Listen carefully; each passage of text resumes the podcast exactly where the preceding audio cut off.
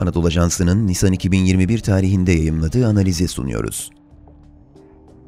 Balkanlarda esrarengiz bir el Büyük Sırbistan hayalini canlandırma peşinde. Yazan Profesör Doktor İrfan Kaya Ülger. Seslendiren Halil İbrahim Ciğer.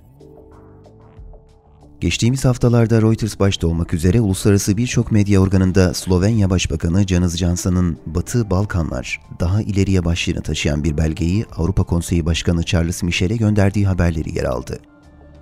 Haberlere göre bu belgede Batı Balkanlarda siyasi istikrarsızlığın giderilmesi gerektiğine vurgu yapılıyor ve bu kapsamda sınırların değiştirilmesi öneriliyor.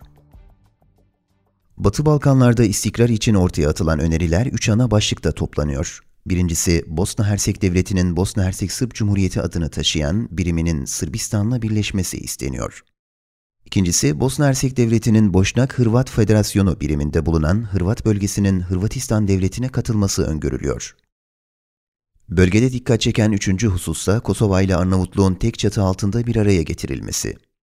Bir başka şekilde ifade etmek gerekirse Slovenya Başbakanı gönderdiği belgede Batı Balkanlarda siyasi istikrar sağlanması için Hırvatistan, Sırbistan ve Arnavutluğun sınırlarının genişletilmesi fikrini savunuyor. Belgede ayrıca Türkiye'nin nüfuzunun Bosna Hersek ve Kuzey Makedonya'da güçlü biçimde artmasından duyulan şikayet de dile getirilmiş.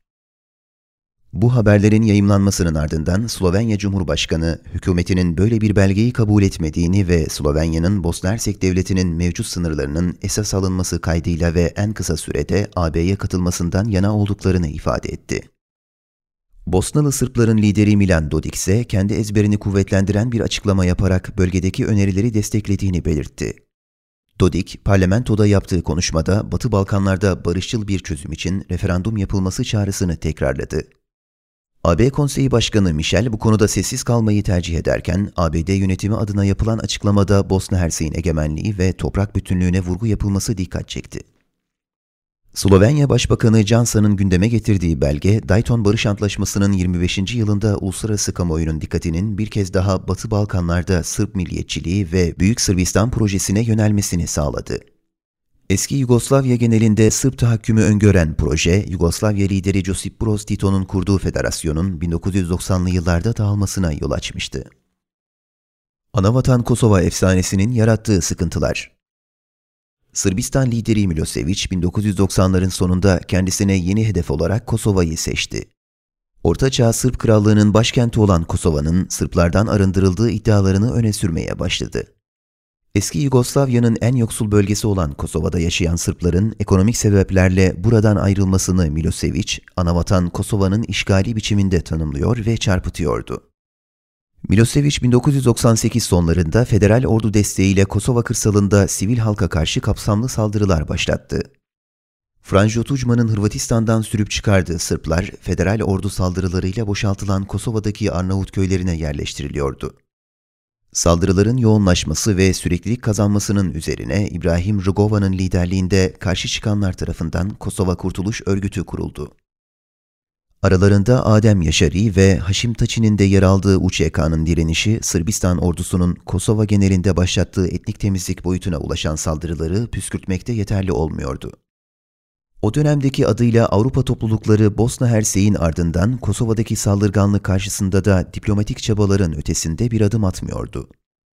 Rusya ve Çin'in muhalefeti nedeniyle BM'den Milosevic'i durduracak bir karar alınması da mümkün olmayınca ABD Başkanı Bill Clinton ikinci kez inisiyatif kullandı. 1999 Mart ayında NATO, Kosova'da sivil halkı katleden Milosevic'e karşı harekete geçti. Belgrad'da dahil olmak üzere Sırp mevzileri bombardımana tutuldu. Açık biçimde görüleceği gibi Büyük Sırbistan projesi Batı Balkanlarda Yugoslavya'nın dağılmasına, federe cumhuriyetlerin ve hatta özel bölge idarelerinin ayrı devlet haline gelmesine sebep oldu. Bosna Hersek ve Kosova savaşlarında yüz binlerce insan hayatını kaybetti. Milyonlarcası bulundukları topraklardan ayrılmak zorunda bırakıldı. Yaşanan tüm bu sıkıntılara rağmen Büyük Sırbistan hayalinin yeniden gündeme gelmesi ve vizyona sokulması Batı Balkanlarının geleceği hakkında kurgu ve senaryoların bitmediğini gösteriyor.